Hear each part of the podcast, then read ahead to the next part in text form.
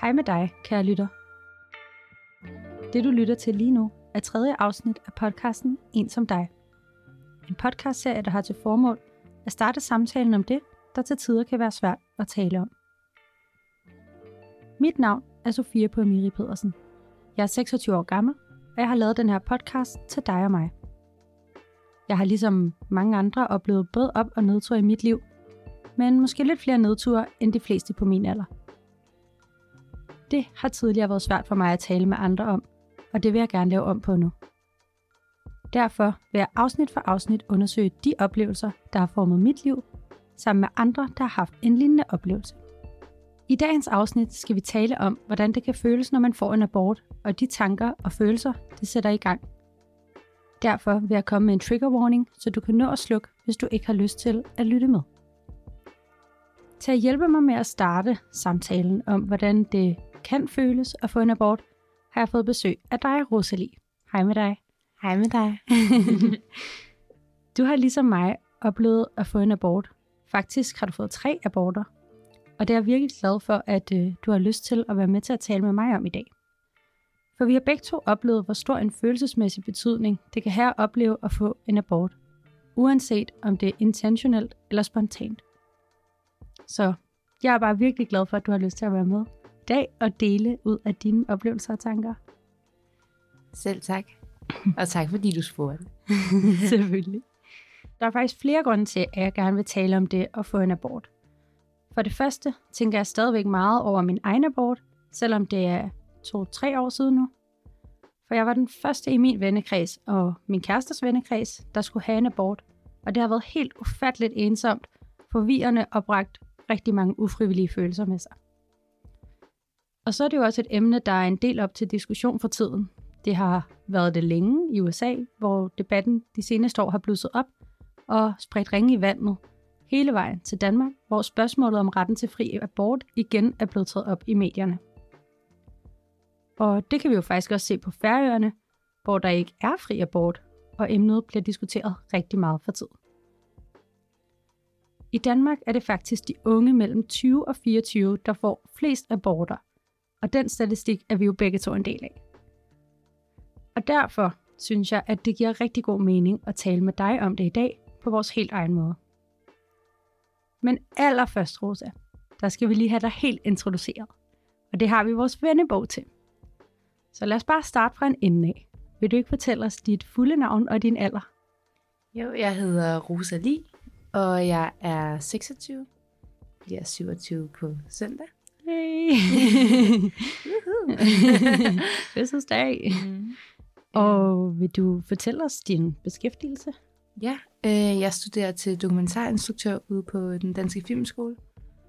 Og øh, så er jeg mor. På øh, deltid, så skulle jeg til at sige, på 8-6-tid, hvis det er noget, der hedder det. Ja. Og en anbefaling, Rosa. Altså, jeg så Aftersun i forrige uge i biografen, og jeg tror, det er for sent nu. Men den var så god. Den så, må komme ud på et eller andet tidspunkt. Ja, det vil jeg gerne anbefale at se. Og kan du huske, Rosa, hvad der sidst har fået dig til at grine?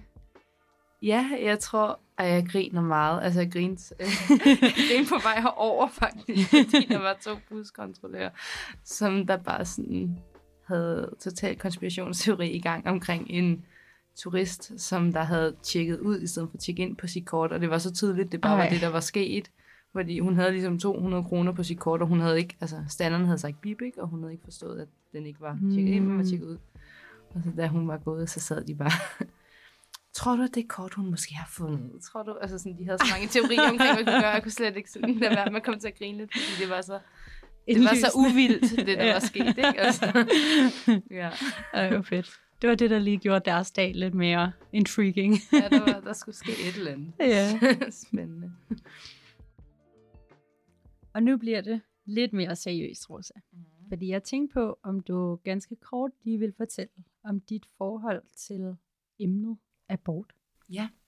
Øhm, som du sagde i introduktionen, så har jeg fået tre, øh, og jeg har også fået et barn. Så jeg har også fået en ikke-abort, hvis man kan sige det sådan, men hvor at øh, jeg havde kendt min datters far i tre måneder, da jeg blev gravid. Så selvfølgelig var, det, var det en overvejelse, skal vi overhovedet have det her barn? Mm. Øhm, men den første abort, den fik jeg, da jeg var 22, tror jeg. Øhm, og det var en abort, som jeg ikke havde lyst til at få, men som min daværende kæreste rigtig gerne ville have, at jeg skulle have. Og modsat dig, og den instruktion, du sagde, så havde rigtig mange af mine venner fået abort. Altså, det var ikke et, øh, et ukendt emne. Mm. Øh, og jeg havde også været vidne til flere af mine veninders aborter. Men det havde måske været, da vi var lidt yngre. Øh, sådan noget ala upsi wupsi, øh, gravid med en fra Roskilde. Hvad hed du? Eller, øh, Mm. ja, eller gravid med en kæreste, når man kun gik i 3.G. Eller, altså, så det var sådan, det var også nogle aborter, som der selvfølgelig stadigvæk gjorde rigtig ondt. Ja. Øh, også fysisk, og selvfølgelig er der en masse tanker psykisk. Men jeg tror, at for mig var det svært, fordi jeg altid har været sådan, jeg vil gerne være ung mor, og jeg kommer aldrig til at få en abort.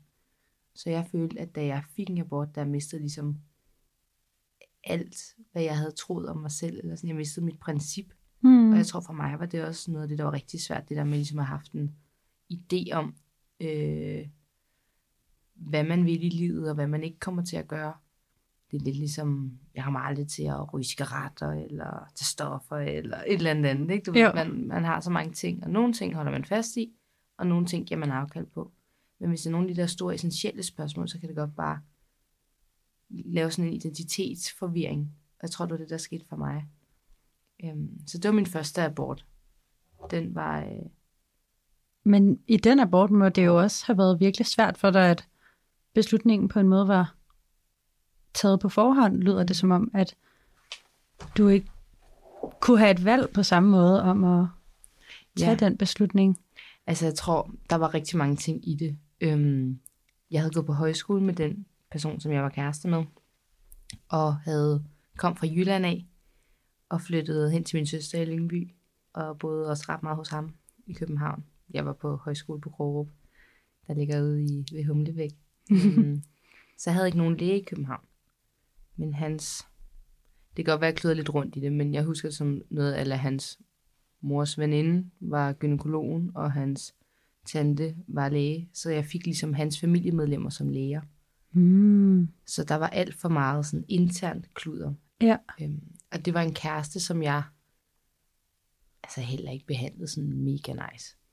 Øh, det var ikke, fordi han behandlede mig mega nice, men jeg tror, vi behandlede hinanden på en ret usund måde.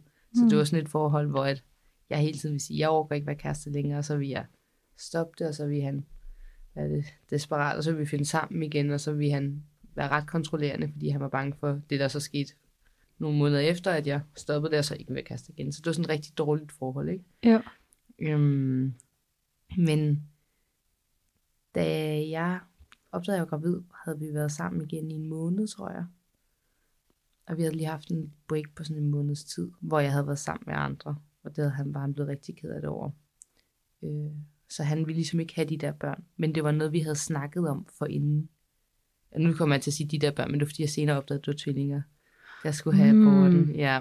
Øhm, så det, altså, det gav jo egentlig ret god mening, hvorfor han ikke havde lyst til at få et barn på det tidspunkt, men alt i mig vil bare gerne have det barn, Ja. da jeg opdagede, at jeg var gravid.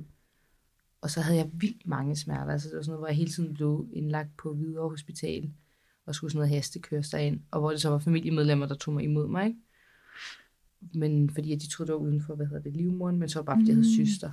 Så det var meget hospitalsbesøg, og mange lægers indblandinger, og meget skrive under her, for du kan ikke rigtig være andet bekendt. Og sådan. Så jeg følte ikke, det var min egen beslutning. Nej. Øhm, ja. Og det må også være mega frustrerende, og det er jo din krop, og det er dig, der oplever smerterne, og det er dig, der øhm, gennemgår de sådan fysiske følelser, udover de mentale følelser selvfølgelig, omkring det. Både at du så var gravid, og at blev indlagt, og lige pludselig kan man måske også sådan forbinde den graviditet med altså noget andet med det også at blive indlagt, og sådan noget du at tænke på, hvordan det ville være, hvis du skulle være mor på det tidspunkt? Altså, kunne du stadigvæk have positive følelser omkring det, eller blev det ligesom sådan en loop, hvor at man ligesom blev lullet lidt ind i, at det jo egentlig var en negativ fortælling, hvis du skulle blive mor lige nu, hvis det giver mening. Jamen, det giver god mening. Øhm, jeg nåede at tænke, at jeg bare vil beholde det selv. Øhm, jeg, hvad hedder det, øh, stak af. jeg kunne ikke overskue det, så jeg tog til Norge, hvor jeg arbejdede i den periode, og var deroppe og snakkede med min chef. Det var sådan en familieforetagende, sådan en øh, skihytte-agtig sted. Og hun var meget sådan, tog sådan en bog frem og sådan, dit barn ser sådan der ud nu. Og sådan, goddammit, okay. Wow. så er vi i gang. Ja. øhm, ja, de havde virkelig ikke så meget situation for dem, de der chefer jeg havde, men de var super søde på mange andre punkter, og også ret fede personligheder egentlig. Men øhm, og hun var sådan, det gør du bare, det kan du sagtens. Hun har selv to sønner, ikke? Så sådan, okay, det kan jeg godt det her, men jeg var også, jeg følte godt, altså, jeg følte ikke, jeg kunne, men jeg følte godt, jeg kunne. Og var egentlig, altså, det mærkelige var, at jeg var super lykkelig, men super ulykkelig over, at den lykkelighed skulle tages fra mig, hvis det giver mening. Mm. Så jeg prøvede bare at trække tiden ud, Ja. til der ligesom var gået for meget tid. Øhm, og så min daværende kæreste, han skulle ud og rejse, så han tog ud og rejse. Og så fik jeg ligesom planlagt sådan, så jeg skulle have aborten efterfølgende. Og jeg tror problemet, eller det der var også hårdt, var, at der var ligesom ikke nogen, der stødede mig i, at jeg gerne ville beholde. Så det var sådan, det kan du ikke. Du skal ikke have barn med ham der, som du har så en i forhold med. Og mm, jeg husker, min far sagde sådan til mig sådan, um, altså, du får, hvis at du ikke får aborten, så er det lidt ligesom, at du, han sender sig, men så er det ligesom, hvis at du skulle flytte til Amsterdam, og hvis du vælger at beholde børnene, så er det jo bare, at du flytter tilbage til Aarhus. Og begge dele kan være fedt, men øh, har lyst til at flytte tilbage til Aarhus, hvor jeg bare var sådan, jeg skal bare ikke tilbage til Aarhus, jeg kan ikke komme væk fra Aarhus, men skal jeg flytte hjem igen nu? Øhm, men så var jeg til min søster med mig til gynekologen, øh, hvor jeg skulle have aborten, og hvor jeg egentlig på vej derhen havde været sådan, jeg tror ikke, jeg skal have det bare, eller jeg tror ikke, jeg skal have den abort. Og så kom jeg hen til gynekologen, og så snakker jeg med hende, og så siger jeg, at jeg føler mig presset til at, jeg har skrevet under på de her papir, men jeg føler mig rigtig presset til at skrive under, fordi jeg sidder med hans familiemedlem som læge, og med ham ved siden af, og jeg føler ikke, jeg har fået lov til at tage valg. Mm. Og så var hun sådan, det her det var en gynekolog, der ikke havde noget med dem at gøre. Og så var hun sådan, det, det skal ikke være sådan, og hvis du gerne vil have barnet, så kan du sagtens det. Og nu laver vi bare lige en scanning, og jeg ser, hvordan det hele ser ud. Og så scanner hun, og så siger hun, vil du ud, hvis der er to? Og så tænker jeg bare. og så går jeg ud, og så ringer jeg til min mor, så hun sådan, det kan du ikke, skat. Og altså sådan, alle sådan, scenarier kom bare op i mit hoved, og tænkte bare, det kan jeg jo ikke, mand. Jeg kan ikke være 21, jeg har ikke nogen uddannelse, jeg har ikke noget sted at bo. Jeg har ikke nogen partner, der vil være med til det her. Jeg har bare mig selv. Mm. Så er det helt 100, jeg skal flytte hjem til Jylland. Det kommer bare ikke til at ske. Og så tog jeg den der botpille. Ja. Så det var egentlig også det, der ligesom var med til at Ja. gøre det, fordi at ellers så kunne du jo godt være alene mor, altså mm. det kan man jo. Ja, det er jeg jo Godt. nu på nogle Ja. måder. Ja. Altså, der er en skidegod far, der eksisterer, ikke? Men Vildt, at du, du tog beslutningen, men dejligt, at du nåede i det mindste at få dig selv med, lyder det som om i hvert fald. Ja, jeg tror, at det, jeg synes, der var svært også dengang, var ligesom, at der var ikke nogen snak omkring det der med, at man har så mange hormoner i kroppen, som der også siger til en sådan her, øh, det er lidt ligesom, når man har PMS, du ved, det, der går mange ting igennem ens krop og sind, som, som der påvirker ens følelsesliv helt ekstremt. Ja. Og jeg følte slet ikke, der var nogen snak omkring det. Jeg føler bare, at det var som om sådan, øh, gå ned og tage øh, en panodil, fordi du er hovedpinagtig. Altså sådan, at det der med at tage en abortpille, jo, det er smertefuldt, men det var så også det. Altså, der ved jeg ikke, hvordan du oplevede sådan snak omkring det rent psykisk. Øh, om det at få en abort, Mm. det var, ja, for mig var det meget skørt, fordi at jeg egentlig drømte, at jeg var gravid. Og så tog jeg en test, og så var den lidt positiv. Og så står der sådan, vent 48 timer med at tage den igen. Og så sagde jeg det til min kæreste, og han var sådan, det er nok bare, du ved, altså, en eller anden, der er også fejl på nogle af dem, agtigt. Øhm, og så var han dagen efter, var han sådan, bare prøv at tage den nu. Og så prøvede jeg at tage den sådan midt på dagen, og så var den negativ. Så var jeg sådan, nå, så er jeg så ikke gravid. Eller sådan, nå, okay. Og så drømte jeg igen, at jeg var gravid, og så var jeg sådan, ej, fandme nej, nu må jeg tage en test mere. og så tog jeg en test, og så var den bare klokkeklar positiv. Og det første, jeg gjorde, det var bare at ringe til lægen og være sådan, har du en tid i dag? Altså, du bliver nødt til at, nødt til at komme af med det her barn på en eller anden måde. Altså, lige der, der var jeg bare sådan, altså fjern det fra mig. Det var så, jeg var så distanceret fra hele sådan den følelse omkring, at jeg skulle have et barn nu på en eller anden måde. Øhm, og efter jeg så havde ringet til lægen, ringede jeg så til min kæreste og var sådan, og han lå og sov om morgenen, øh, og vækkede ham, og så var jeg sådan, Olli, den er positiv. Mød mig hos lægen øh, klokken det her, og så var det lidt ligesom bare det. Øhm, og jeg fik slet ikke spurgt ind til, om han, hvad han ville på det tidspunkt. Så der var jeg jo, altså den, der ligesom bare tog en beslutning, og var sådan, nu har jeg ringet til lægen, mød mig ved lægen, vi skal snakke om, at jeg skal have en abort. Og det er sådan noget af det følelsesmæssige, der fulgte meget med hos mig bagefter. Hele den her skam omkring at tænke, at jeg bare gjorde det. Ringede til lægen, uden at spørge ham først. Det synes jeg var sådan, har været grænseoverskridende dagene efter øh, aborten, eller dagene efter vi var til lægen, og ligesom tænkte tilbage på. Men øh, vi nåede så at snakke om det selvfølgelig, inden jeg kom til øh, gynekolog, og endte med også at være enige om, at det var det, vi skulle lige nu.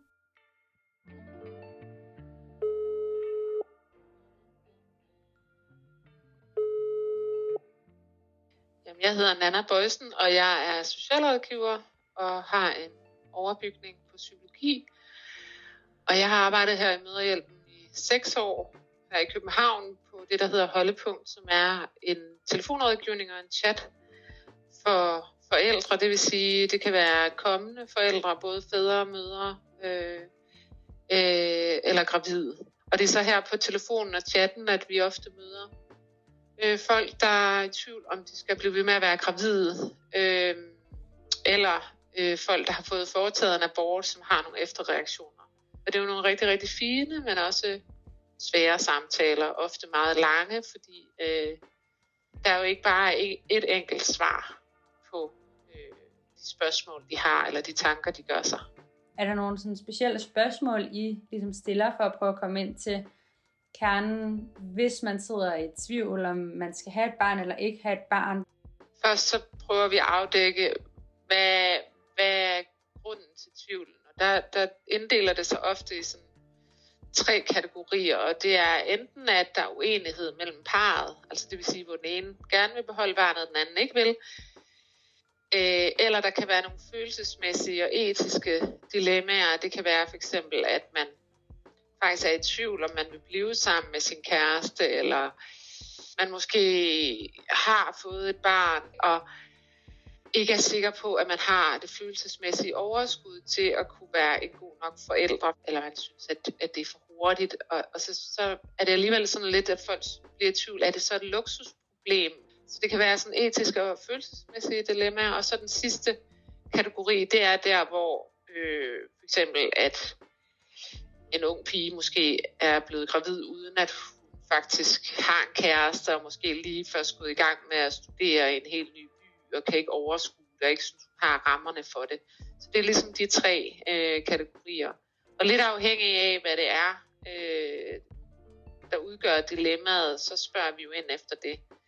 Øh, der er rigtig mange, der ringer omkring de etiske og følelsesmæssige dilemmaer, og det vi kan høre, det er, at folk er utrolig stressede over, at de har ofte kun kort tid til at beslutte sig. Og øh, det vi ved i det hele taget med stress, det er noget af det, der bliver påvirket allermest, når vi er stresset, så er det faktisk evnen til at tage beslutninger. Og det her er måske jo faktisk et, et af ens livs største beslutninger. Det, der er rigtig uheldigt, det er, hvis man tager beslutningen for at slippe ud af stressen, at man så tager beslutningen for hurtigt, fordi det er jo så der, man kan komme til at fortryde eventuelt bagefter, hvor man tænker, men det var jo faktisk slet ikke det, jeg ville, men jeg kunne simpelthen ikke mærke min. Så snakker vi også rigtig meget med dem om, at det er vigtigt, at det er deres egen beslutning. Altså det er en af de få ting, hvor øh, mænd og kvinder ikke er lige endnu. Øh, og jeg synes rigtig mange kvinder er rigtig gode til at respektere deres kæreste eller partners eller ikke partners ønsker om ikke at ville have børn lige nu og her. Men i sidste ende, så er det jo ikke muligt hverken at beslutte sig for at få børn eller ikke få børn af hensyn til en anden, når det er ens egen krop, det handler om. Så det er den anden del, vi, vi snakker meget med dem om. Der er også ofte måske en mormor ude i kulisserne, eller en kommende mormor, der meget gerne snart vil have børnebørn og presser hårdt på og siger, jamen jeg fik jo også dig som 19-årig, og se, det er da gået fint. Øh, og så det her med at blive presset, enten til at få en abort eller ikke få en abort, det, øh, altså især der, hvor største efterreaktioner på en abort, som vi møder, det er der, hvor man er blevet presset til at få en abort, enten af sin partner eller, eller familie. Øh, og tit så har andre mennesker virkelig stærke holdninger omkring det. Det er noget af det, som overrasker mig, at vi i 2023 møder, at øh, abort er faktisk et af de områder, hvor alle har en mening.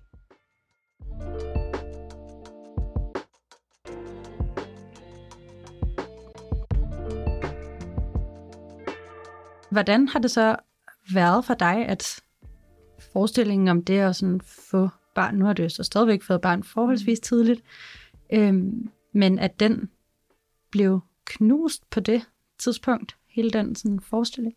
Altså nu er jeg jo virkelig glad for, at jeg ikke fik tvillinger med min daværende kæreste. Altså, vi slog os op kort tid efter øh, over Skype, før han nåede at komme hjem. Det var romantisk. Rigtig romantisk altså jeg tror også, det var også sådan et forhold, hvor at jeg øh, senere hen nok har øh, anerkendt, at jeg ikke var en særlig sød kæreste. Øh,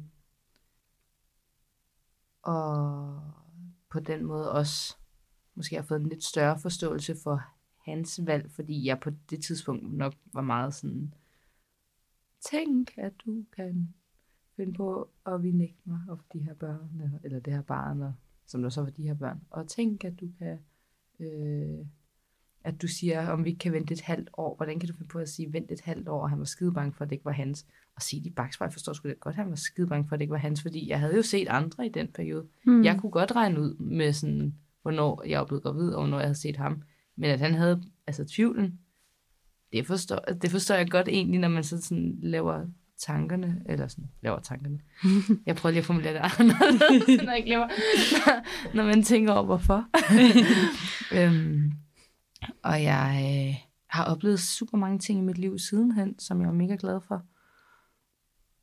Så, og jeg har haft tre kærester sidenhen, så jeg tror også, at sådan, altså vil jeg jo heller ikke have det barn, jeg har nu. Nej. Så nu er jeg glad for, at jeg fik abort dengang, men jeg tror, at det, som der også ramte mig, var det der mega passe bedre på sig selv. Fordi jeg kan huske, at da vi var meget for, eller sådan, jo, vi var nok ret forelskede i sommerperioden, hvor han var sådan, nej, lad være med at tage p-piller derude, man snakker bare lidt.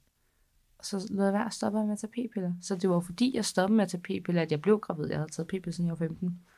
Så det der med også at være en spontan drømmer, og det har altid været, jeg er meget hurtigt til sådan at reagere på mine impulser. Og det er, er jeg stadig meget hurtigt til, hvor jeg nogle gange tænker, nej, nu kommer hun. Men der er nok et eller andet for det, man kan finde ud af. Men, men, men sådan, jeg tror, jeg følte mig så skamfuld over for mig selv. Det der med ikke at, altså, have undersøgt først. Altså, vil du virkelig have barn med den her person, du konstant slår op med? Fordi hvis ikke du vil det, så tag lige dine p-piller. Mm. Eller sådan den der med sådan at synes, det var lidt sjovt at satse. Ja. Og, og det skammede mig over for mig selv over bagefter. Det ville jeg ønske, jeg havde ligesom taget mig selv lidt mere seriøst. Tror jeg, ja. Ja, det giver god mening. Altså, jeg blev også øh, gravid, fordi vi brugte sådan en øh, app, sådan en, øh, er du i ægløsningen periode app. Og øhm, ja, det virkede ikke for mig i hvert fald. Jeg endte jo med at blive gravid. Øh, og det var også fordi, vi var mega forelskede og var sådan, vi gider ikke at bruge noget protection, og jeg gad i hvert fald ikke at have flere hormoner end i min krop, og så var man bare sådan, ja, kondom føles som en dildo, så Ja. nej tak. Ja, og så var det bare sådan, øh, vi skal prøve noget helt andet, hvor vi bare, du ved, kan sådan køre på vores impulser, og man skal ikke ligesom, så kan man bare lige tjekke om morgenen, og så glemmer man at tjekke den der app, og så er man bare sådan, ja, ja, det går jo nok. Og, altså, hvad er chancen for, at vi bliver gravide? Man skal jo ramme lige den dag, og sådan noget. Jamen, jeg kender så mange venner, der bruger den der app. Jeg har aldrig gjort det, som sagt, fordi jeg har været på p-piller, siden jeg var kid. Altså, men det var på grund af, min menstruation var helt fucked. Så Ja. sådan, Men øh, jeg kender så mange, der bruger den der app, og det virker for Held og lykke derude. Take care of the apps. ja, Alle apps. ja. Ja, der vil jeg sige, måske lige gør noget godt research inden. Det kan også være bare virkelig følge den slavisk, så kan det også godt være, at den virker lidt bedre. Få din partner til at betale for den spiral, du skal have. Ja, præcis. Jamen altså. Øhm, min første abort, jeg fik her, eller min eneste, det var for mig en medicinsk abort. Altså, jeg valgte jo selv hos lægen. Det her vil jeg gerne. Tog til gynekolog og fik de her piller, man får. Mm. Øhm, og så sker det jo rimeligt naturligt efter det. Øhm, men du har jo også prøvet en anden form for abort. Vil du fortælle lidt mere om den Mm. form for abort? Altså, da mit barn, min barns, mit barns far øh, og jeg har haft, for bare lige at starte, for sådan lige lave en hurtig introduktion. Jeg mødte min datters far, da vi var på udveksling i, i Bruxelles, og vi blev mega forelsket på mega, mega kort tid. Så det var sådan noget, efter tre uger friede han til mig, og efter to måneder fik vi tatoveret hinandens fulde navn på armen, og Wow. Ja, og øh, det ved jeg i to måneder, der havde jeg ikke flere p-piller tilbage. Og min læge, fordi jeg har haft øh, lavt blodtryk, ville gerne ligesom have mig til kontroltjek, før jeg bare kunne få en ny recept. Og det kunne jeg ikke nå, for jeg var kun i Danmark i en weekend, hvor jeg lige havde troet, jeg kunne ligesom tanke op. Så jeg havde bare en måned uden p-piller, hvor vi var sådan her, det er lige meget, og giv mig barn i julegave, og "Ej, jeg elsker dig så meget, okay, tjek den der app, og den vil også bare se ud. det rigtig klamme, ikke? Nå. Og så øh, hen over julen, så sker der rigtig meget drama i vores forhold, øh, mens vi er hjemme, og jeg mærker en knude i mit bryst. Eller det gør jeg faktisk ikke engang. Jeg mærker øh, hævet lymfer tager til lægen, og min læge mærker knude i min bryst. Og siger, uh, det kunne godt være kræft, du skal scannes. Og jeg er sådan, fuck. Og jeg bor i Bruxelles på det tidspunkt, så jeg kommer til en fransk læge og fatter ingenting. Oh no. Ja, og bliver øh, for den der scanning. Og det er sådan noget med, at man skal tage sin trøje af, men jeg forstår ikke noget på fransk, så mens jeg er ligesom i det der lille rum, hvor man venter på at komme ind til lægen, og man har den anden dør ud til ligesom øh, venteværelset, så tager jeg bare alt mit tøj af. Så den Nej. åbner, så står jeg bare helt nøgen. og lige sådan der, hvorfor har du ikke noget tøj på? Altså, det sådan, du er helt nøgen. Vi skal tjekke dit bryst, du behøver ikke stå med bare røv. Og jeg var sådan helt forvirret, og sådan, jeg forstår, øh, parlez nu français, nu français. Øh, men der var Og de er bare sådan, ja, ja, det er godt med dig. kram er det lige. Rigtig sådan en pervers, creepy kunde. Og så kommer jeg ind, og så bliver jeg så scannet der. For en CD-rom med mit inside bryst. Og så øh, får jeg taget med blodprøver. Jeg er så ikke brystkræft, men jeg er gravid, for at vide. Øh, Det kunne de se ud fra det simpelthen. ja, de ringer til mig, efter jeg har taget der blodprøver, og så er hun sådan, du har øh, ikke, øh, nu skal jeg sige, kræft. Du har heller ikke... Øh, altså, du ved, så kørte hun sådan der igennem det hele, mens jeg sad en smøg, jeg skulle til at tænde, og så sagde hun, men du er gravid, og så var jeg sådan, oh, okay. Lægger smøg ind, og var sådan, shit. Og så sagde jeg det til min kære, eller daværende kæreste, da han kom hjem. Og det var så åndssvagt, fordi jeg fik en veninde på besøg hele weekenden, og han fik en kammerat på besøg, så lejligheden var fyldt. Og mens vi sidder derude, og jeg er sådan, jeg skal ikke have alkohol, jeg har lidt hovedpine, så går vi ud i køkkenet, og så der er nogle fyldt af gæster, og så siger jeg sådan, jeg er gravid. ud mellem tænderne. Og så sætter Shit. han sig ned og siger, wow, chok. og så er jeg sådan, ja, hvad gør vi? og så er vi sådan en lang måned frem og tilbage med rigtig meget drama. Øh, og ender, som jeg vælger at beholde. Og så fik vi en datter. Og så, øhm, da hun er sådan noget lidt over et år, der øh, begynder jeg min menstruation at komme tilbage. Jeg har ikke haft menstruation overhovedet, så vi har heller ikke brugt noget beskyttelse. Det, hvis du ammer meget, så kan der godt gå lang tid. Så de første ni måneder, næsten 10, der havde jeg slet ikke, blødt jeg på ingen måde. Og så, øh, så, hvad skete der så? Nå jo, så begynder jeg at bløde. Og så bløder jeg pletblødagtigt, men i en måned tænker jeg, "Nå, men det er nok, fordi den lige er startet. Min krop har det mærkeligt. Jeg er meget følsom. Altså sådan sentimental, ikke? Mm. Øhm, og så femte uge bløder lidt mere, sjette uge begynder at bløde ret meget, og så begynder det sådan at blive så meget, at du ved, jeg kan tage en tampon i, og så går der kvarter, og så bløder jeg igennem. Wow. Og så tager jeg til lægen med det. Og så, det er lidt det samme, det der, som vi snakkede om før. På vej ind til lægen var sådan, jeg er nok gravid og i gang med at abortere. Og så kommer jeg derind, og siger hun, ved du om du er gravid? Og så siger jeg, nej, men det kunne godt være. Og så tester hun, og siger hun, du er gravid. Så jeg vidste ikke på forhånd, men det, vi, gad, vi ville gerne på det tidspunkt have en til. Ja. Så jeg når at tænke, please sig det i live, please sig det i live, men jeg ved jo godt, det er det nok ikke, vel, når jeg bløder så meget. Og hun er sådan, det, jeg kan se, det er sådan, jeg kan se det deroppe, og det, du bløder alt for meget. Så du skal med en taxa på Herlev, og det haster det nu. Og jeg ringer til ham og sådan, kan du hente hende på vuggestuen? Og bliver hastekørt på Herlev. Øhm, og jeg skriver under på sådan noget med sådan, øh, må de give mig blod, hvis jeg er ved at dø, og hvem skal jeg arve? Sådan en masse papirer sidder der alene og bliver, kommer ind og sådan styrtbløder, og så skal jeg have det opereret ud. Altså Så en sådan- kirurgisk abort. Ja, en slags, ikke? Ja. Øhm, og blødt helt vildt meget efter det også. Og det var jo ikke sådan... Mm, altså, jeg vidste jo ikke som sådan, jeg var gravid, og det var jo bare, hvad det var, men jeg tror, at vi havde det ikke særlig godt i vores forhold på det tidspunkt, og jeg var mega ked af det, og presset derhjemme. Så jeg tror, følelsen af, okay, jeg har det så nedtursagtigt, at man ikke kan leve ind i min krop, synes jeg var hårdt. Ja. Øhm, og så kunne jeg mærke, at så havde jeg bare endnu mere lyst til at få et barn nummer to, ikke? Fordi at jeg sådan havde mistet det, jeg havde. Og hvordan var altså tiden efter I mistede altså forholdet til din kæreste? Hvordan Ja, mm, påvirkede det ligesom jer på det her tidspunkt? Og, altså, det var en periode, hvor han havde meget aftenarbejde. okay.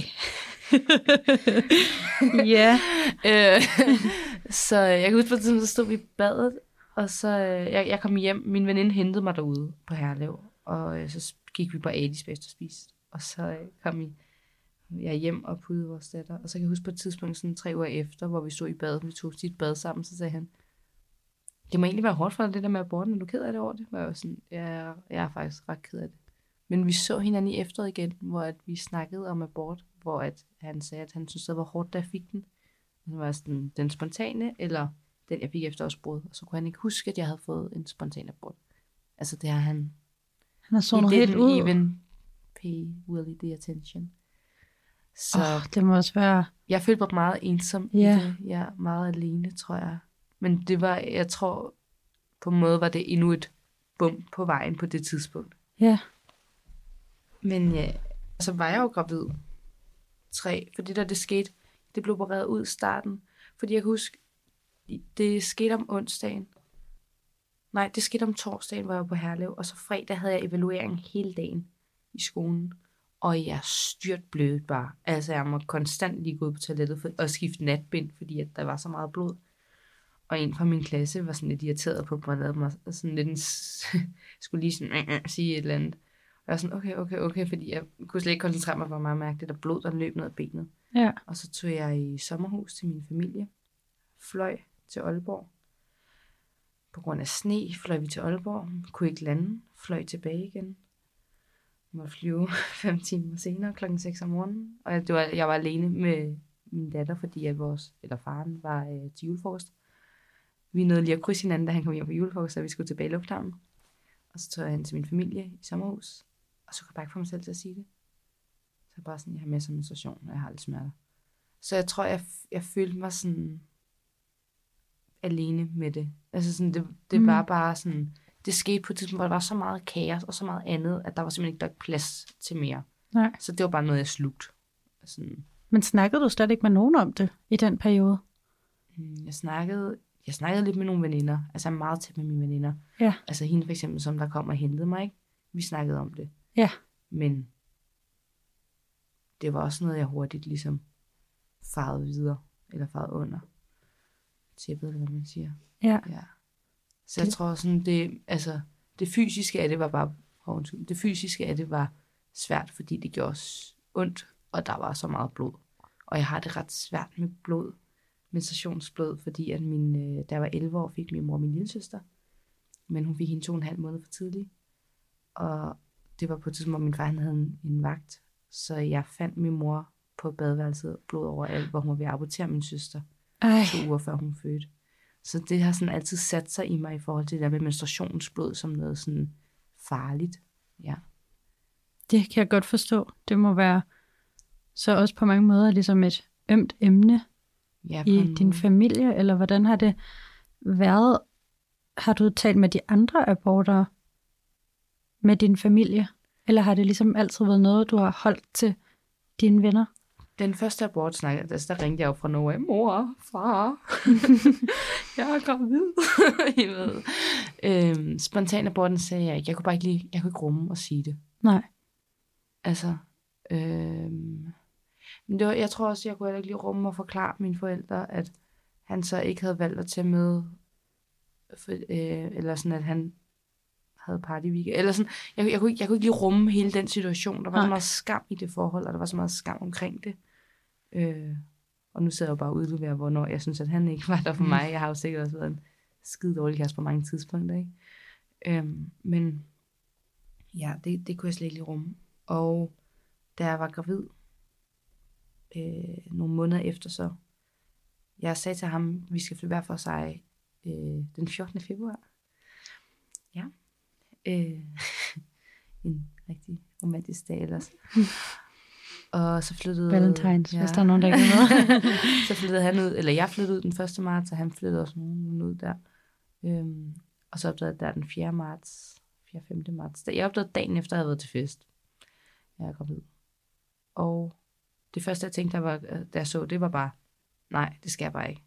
Nu er jeg kommet ud af det her forhold, jeg, jeg ryger direkte tilbage, hvis jeg får det her barn, og det kan jeg ikke.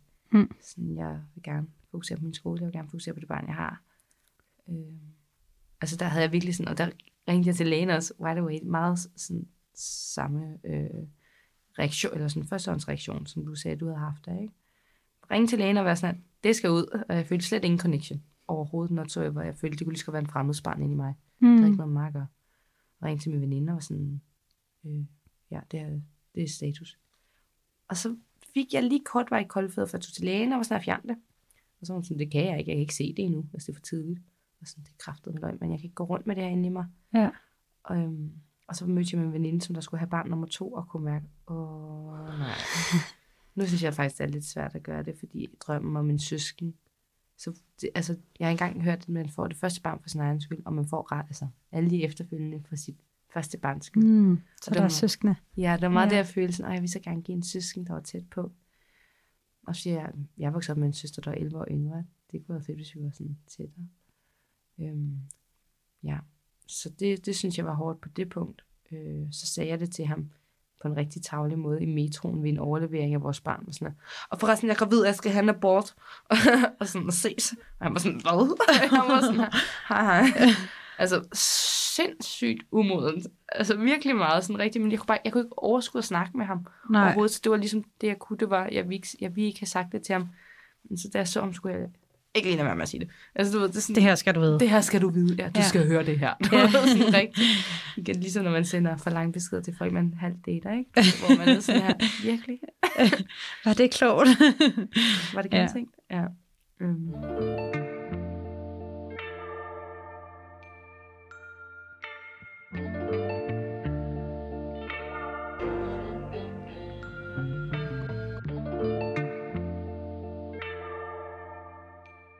Man kan jo godt være ked af noget, selvom det var det rigtige valg. Det kan være lidt ligesom at gå fra en kæreste, hvor man ved, det her forhold er simpelthen ikke godt for mig, men man kan jo godt savne ham alligevel, eller synes, det er svært. Så, så det er en, en helt naturlig øh, tanke. Øh, plus der er jo aldrig noget, øh, der er så entydigt, enten rigtigt eller forkert i det her, fordi der kunne være elementer, der kunne jo godt være mange elementer i, man ville måske gerne have beholdt barnet, men så var der nogle tungvejende grunde, som gjorde, at det var den rigtige beslutning for en. Så der kan jo, man kan jo godt stadigvæk have en blandet følelse omkring det. Samtidig så er man jo også meget hormonel, både mens man er gravid, men jo også faktisk lige de efterfølgende uger efter en abort. Øhm, og det tror jeg heller ikke, man skal underkende. Og vi bliver tit spurgt om, jamen, kan man ikke få noget psykologhjælp? øh, inde hos jer til at håndtere det at have fået en abort. Og plejer vi at sige, at altså, inden for de første 4-6 uger, der er det almindeligt at have en eller anden reaktion.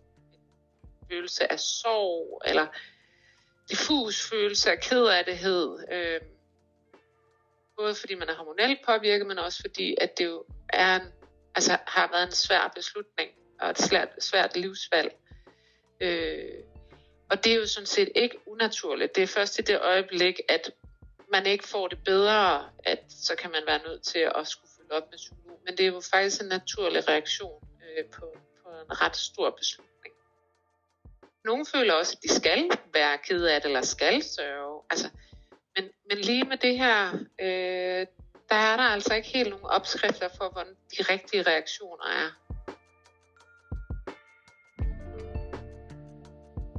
Jeg tror nogle gange, man undervurdere lidt, hvor, hvor ubehageligt et forløb det godt kan være med den medicinske abort. Øh, det er i hvert fald noget af det, vi hører fra nogen, hvor de måske har håbet på, at de vil være et, et nemmere forløb. Og der er det jo vigtigt, at man er sammen med nogen. Og man måske især også giver sig selv den egen omsorg, fordi jeg hører mange sige, mm, så kan jeg lige nå det i morgen, inden jeg skal på arbejde i overmorgen. Øh, og, og der kan det faktisk være okay lige at sige, mm, nu tager jeg lige en pause, eller jeg tager lige øh, hen til en veninde og ser noget dårligt Netflix, hvor min kæreste og jeg ikke snakker om det, fordi vi kan ikke altid snakke os til at føle det samme. Og der er man jo så alene lige i det her valg om at være den, der er nødt til at træffe beslutningen til sidst. Ikke?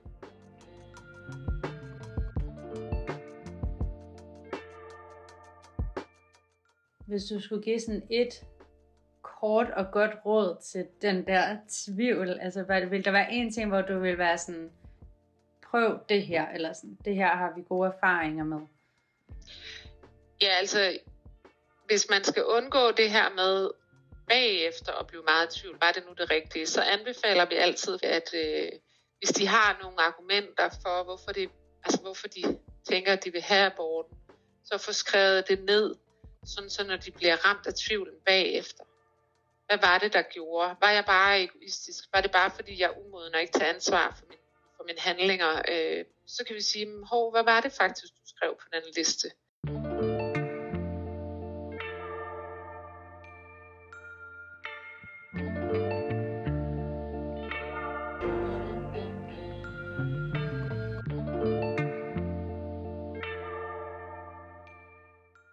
Nu er du jo blevet mor. Mm. Øhm, men kan du stadigvæk ligesom få tanker omkring det med aborten, og fylder det stadigvæk for dig nu? Altså, den første abort fylder ikke for mig længere. Nej. Øh, det gør den spontan egentlig som sådan heller ikke. Altså, jeg vil sige, hvis jeg bløder mere end en hurtig mens, så gør den, fordi jeg tænker, shit, jeg er gravid igen nu på en måde, hvor jeg har aborteret ind i min mave. Eller sådan, så på den måde gør den øh, sådan rent den fysiske del af det. Øhm, men den nyeste abort fylder lidt. Og jeg tror også, det var, fordi vi så hinanden igen, som sagt, min datters far og jeg i efteråret, hvor jeg tænkte, okay, hvis vi er sammen igen nu, så kunne jeg sgu da lige så godt have fået der barn, for så skulle jeg født i november, og så mm. tænkte at jeg kunne tillade mig at sige nej til et barn. Altså jeg vælger, altså sådan, vælger og brager på en eller anden måde, som skal jeg have økologisk i dag eller ej. Eller du ved, det bliver meget ja. sådan øh, det bliver meget sådan forkælet tilgang til det med at kunne få et barn. Så på den måde, så kan jeg godt mærke det. Og nu når jeg ser nogle familier, der render rundt med sådan to små søskende, så er jeg også sådan, mm, og lige med kunne have haft en lille baby søsken lige nu, eller sådan. Så på den måde synes jeg, at det nyeste, det fylder. Fordi at det var også en beslutning, jeg tog i panik. Mm. Så det var ikke velovervejet. Det var bare sådan her panisk, sådan her, shit, få det fjernet. Altså sådan, ja. ja. Ja. Jeg følte også, at det var meget sådan... Altså jeg føler, at, at det stadigvæk på en måde fylder hos mig. Eller lidt som du siger det der med nogle gange, sådan hvis...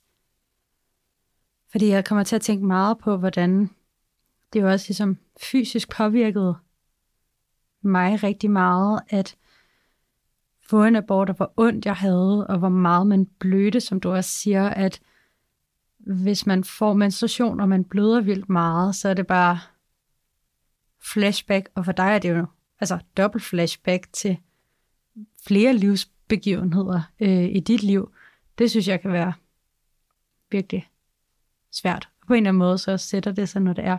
Eller hvis menstruation udbliver, og man er sådan, er det nu? Paniktiden. mm. Men hvor, du siger, hvor lang tid er det siden, du fik en abort? Ja, og det er jo vildt mærkeligt, fordi det må jo være tre år siden. Men du er sammen med den samme kæreste, Ja. som har I snakket om, at vi har børn sidenhen? Øhm, ja, vi har snakket om børn. Det er faktisk lidt sjovt, fordi i starten, da vi mødtes, der ville min kæreste slet ikke have børn. Der var han sådan, ej, han skulle aldrig have børn, og det var slet ikke noget for ham. But you changed him. Yes. altså, jeg vidste altid, at jeg gerne ville have børn. Det var, Mm. det var ikke... Altså, for mig har det aldrig været et spørgsmål. Det har jeg bare altid vidst. Og, øhm, og da han sagde det dengang, der var jeg sådan, okay, men måske skal vi også bare sådan, altså, måske skulle vi jo bare så ikke være sammen for evigt, fordi Ja. det ville jeg ikke kunne, hvis han ikke ville have børn. Hvor unge var I dengang? Mm, jeg tror, jeg var 22, og han var 24. Ja, så tænker man også godt, du ved, ikke kan blive fæng. Ja, ja, det kunne jo godt være sådan et par år, og så var det det. Øh, men så var der en eller anden dag, hvor han kom hjem, og så var han sådan, ej, jeg så bare den sødeste pige i metroen. Jeg glæder mig bare sygt meget til, at vi skal have øh, nogle piger på et tidspunkt. Og så var jeg bare sådan, hvad? Vil du gerne have børn lige pludselig? ja, og så, øh, så var han sådan, ja, at han havde sådan begyndt at ligesom få en følelse af, at Ej, Det- hvor magisk. ja, Var det, det det før eller efter aborten? det var før aborten. Okay, nå, okay, men Ja. det betyder også noget på en eller anden måde, fordi så hvis du ligesom, han havde ændret sit mindset omkring det. Ja, og han var faktisk, øh, da det var, vi fandt ud af, at jeg var gravid, og vi snakkede om det, øh, efter jeg havde været hos lægen, Mm. fået det bekræftet, at, øh, at han var meget sådan, han synes, det ville være en god idé at vente med at få et barn, fordi der var, vi var også begge to under uddannelse, vi boede ikke sammen, Øhm, ved ikke, nogen fast indkomst, men at hvis jeg meget gerne ville have det, så kunne han godt se sig selv være far. Er det noget, som der også har været hårdt for dig sidenhen på en eller anden måde, fordi det gør valget til endnu mere dit? At, altså, det er jo altid på en eller anden måde i sidste ende kvindens valg, fordi det er vores kroppe, som der skal Mm. gå det igennem, men så er der jo så mange ting udenom, der gør, at vi ikke føler, det er vores valg, ikke? Men Altså jeg tror, at det var, på en eller anden måde var jeg bare så afklaret på det tidspunkt. ja. Det var bare sådan, det er jo fuldstændig for vildt, hvis jeg skal være mor lige nu. Og der er bare sådan, der er intet, der hænger sammen. Men det er også en kæmpe... Altså nu har jeg jo så fået et barn, der er to og et halvt nu, og det er det fedeste og mest magiske og fantastiske i verden. Og jeg, da jeg før sagde, at jeg er mor på halvtid, og jeg eller mor på 6-8 ordning, det er jo ikke, jeg er mor på fuld tid. Fordi at hvis der er en, der ringer, eller hvis... Altså, der går ikke en dag, hvor jeg ikke tænker på mit barn. Men det er klart, at det er bare en omvæltning, og man kan meget, meget, meget, meget mindre øh, spontant, end man kunne, før man fik et barn. Så sådan den der, ej, det kunne være fedt lige at tage et halvt år i Paris på en udveksling, det kan du ikke. Eller sådan, Nej. der er mange ting, man lige pludselig ikke kan. Vi har fået et spørgsmål fra Instagram om, hvordan man fortæller sine forældre og venner Jamen, omkring det at få en abort. Har du, altså, har du gjort dig nogle erfaringer? Du har jo for eksempel også stået i en situation, hvor at du bare var sådan, det er faktisk ikke noget, jeg behøver at fortælle lige nu, mm. fordi det...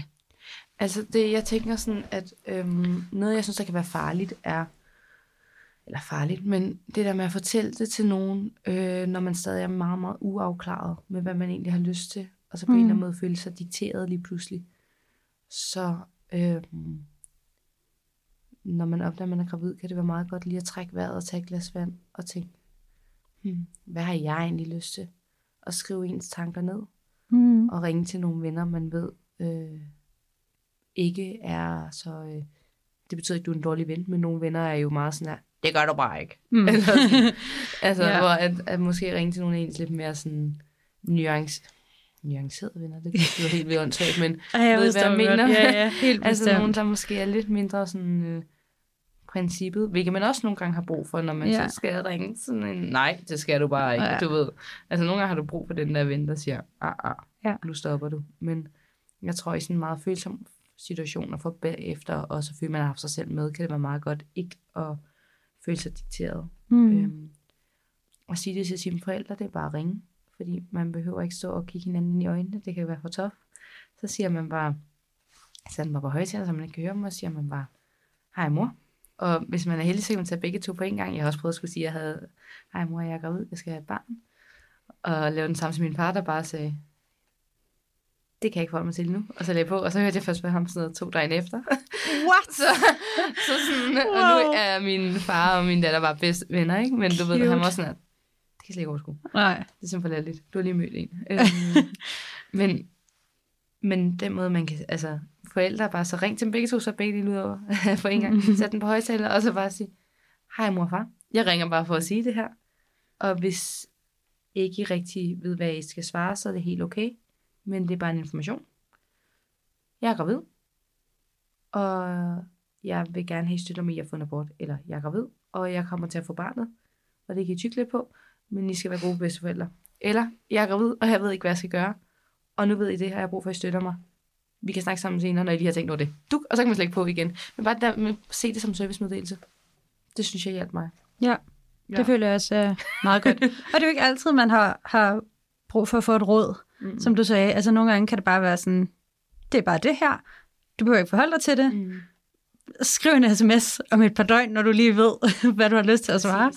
Eller så kan de selv ligesom tage den derfra. Det er jo mega forskelligt, hvordan man også har det med sine forældre, ikke? Altså, du ved, der er også nogen, der er tættere end andre. Mm. Og, men så vil jeg sige, hvis ikke at man ligesom har nogle venner, man føler, man kan snakke med eller skrive til, og man for eksempel hører det her podcast, så kan man jo skrive ind til os. Det kan man i hvert fald. Øhm, eller abortlinjen.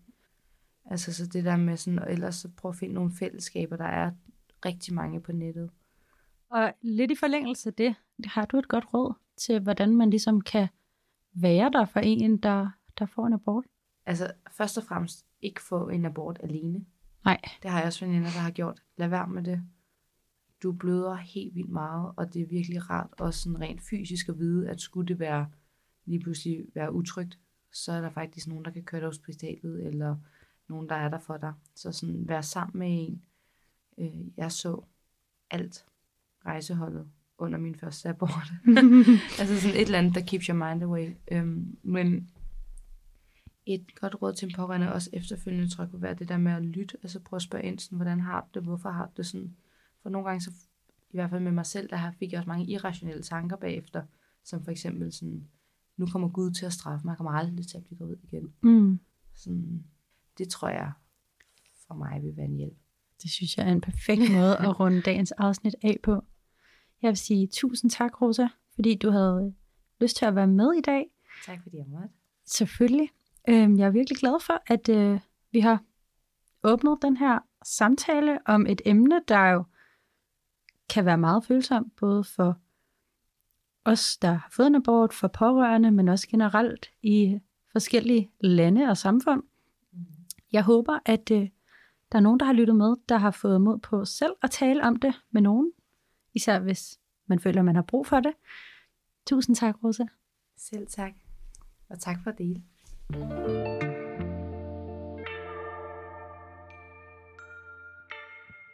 Du har lyttet til podcasten En som dig, som jeg, Sofia Poamiri Pedersen, har lavet til En som dig.